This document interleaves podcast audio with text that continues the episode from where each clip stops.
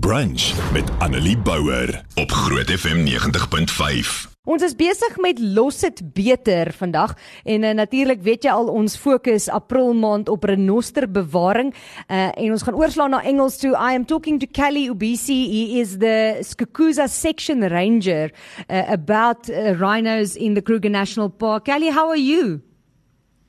I'm good and uh, nice talking to you again. Yes, we spoke last year when we were in the Kruger National Park, and it was so nice to actually meet you guys and see the wonderful work that you do.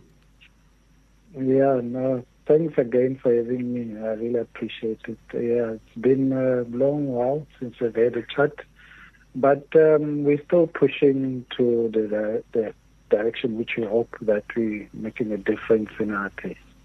So this month, Groot FM is focusing on uh, rhinos and obviously not just anti-poaching, but obviously the the habitat. We spoke last week to people about the habitat and and getting that right, and then also um, looking after small uh, orphaned rhinos. And I know that the Kruger National Park has a few of these things that you focus on. Last year we spoke about habitat. Uh, please tell me a bit about how you uh, work with orphaned orphaned rhinos uh, when there was one poached? If we happen to come around the scene where there's a, um, a juvenile that still needs rearing, um, you know, we'll take it uh, to care for the wild, and that's where they'll uh, look after them. And um, it, it becomes a mission for to get everybody there to from the vets and then uh, supporting uh, staff members that would help to even load it up onto the chopper if need be. And depending on the size of the animal, and then if it can fit in into the helicopter, and then we try and diet it to put it to sleep, and then it gets um, flown into care for the wild. And obviously, we have to communicate with them that they must wait for the little one's arrival, and then they'll take it in as it um, touches down. Um, it's a very sad thing that happens, and uh, we have a few of those orphanages around Gauteng as well, where people take in these little ones and try and uh, rehabilitate them, not just getting them to actually eat and grow up, but to be able to put them back in the wild. It's it's way different than keeping a rhino in a camp. Am I right? Yeah, you're quite right there. It's actually very disturbing for one that looks after that little animal uh, where it starts squealing and looking for the mommy, and then you have to be there to help it out. And then at times we humans we we go to sleep, and then at times we, you know, you think that the animal is gonna be okay, and not knowing what to do, and um, but having the others that would probably be sitting with it as a little one, and then rubbing shoulders with the new found family and then it uh, gradually would um, uh, try to uh, uh, accept the situation that mom is not here anymore. But then it's um, it's heartbreaking to think of it that we humans we have done it, and then you feel like we fail if we, you know, at the end of the day, you know, you would find you see the animal suffering as a result of us being greedy.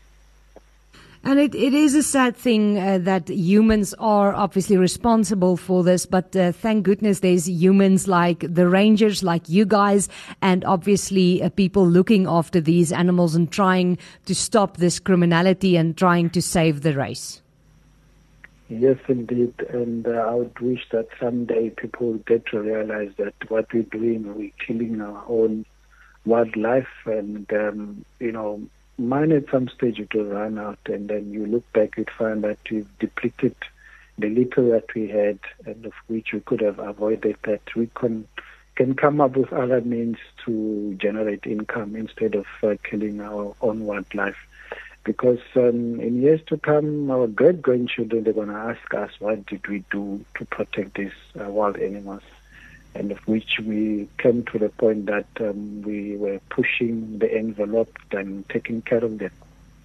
So, Kelly, uh, thank you very much for the work you do. And I have to say congratulations because we saw, uh, Ike sent us a media release a few months back where we saw that uh, the Kruger National Park's poaching um, went down uh, because of the work that you guys do. So, congratulations and thank you for the work that you do. Nou, thank you baie dankie daar weer dat wat vir ons onderstel um van altyd af van waar ons het begin het. Ons is dankbaar dat as mense wat elke maand hulle wil iets uh, doen om met verskil maak van met die goed wat ons doen. Ons waardeer dit baie. So, what is your biggest uh, challenges at this stage? It's um, having the elite infiltrating um, uh, the, you know, uh, the ranger corps, of which becomes disturbing sometimes that you would um, arrest one of your own. Mm. And of which, um, you know, if you have been going side by side trying to make a difference, and then you see one of your guys um, falling into the uh, pit, and uh, it's quite quite disturbing. Yeah, and I, I know that, that that you guys did arrest one of your own uh, a while back, and, and I think that must be very sad, um, and obviously also losing some of your, your comrades and your, your people working with you.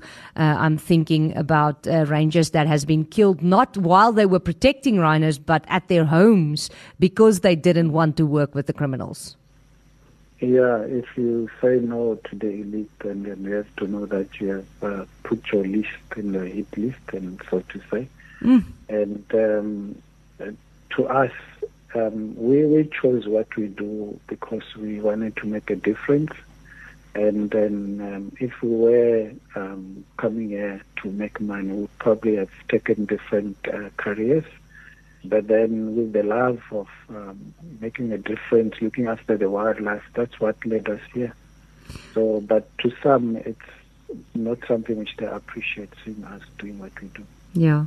Kelly, thank you very much for your time today and again for the work that you do. We really appreciate it and uh, please stay safe. Thank you so much. Thanks for having me. Annelie Bouwer, weekoggend tussen 9 en 12 op Groot FM 90.5.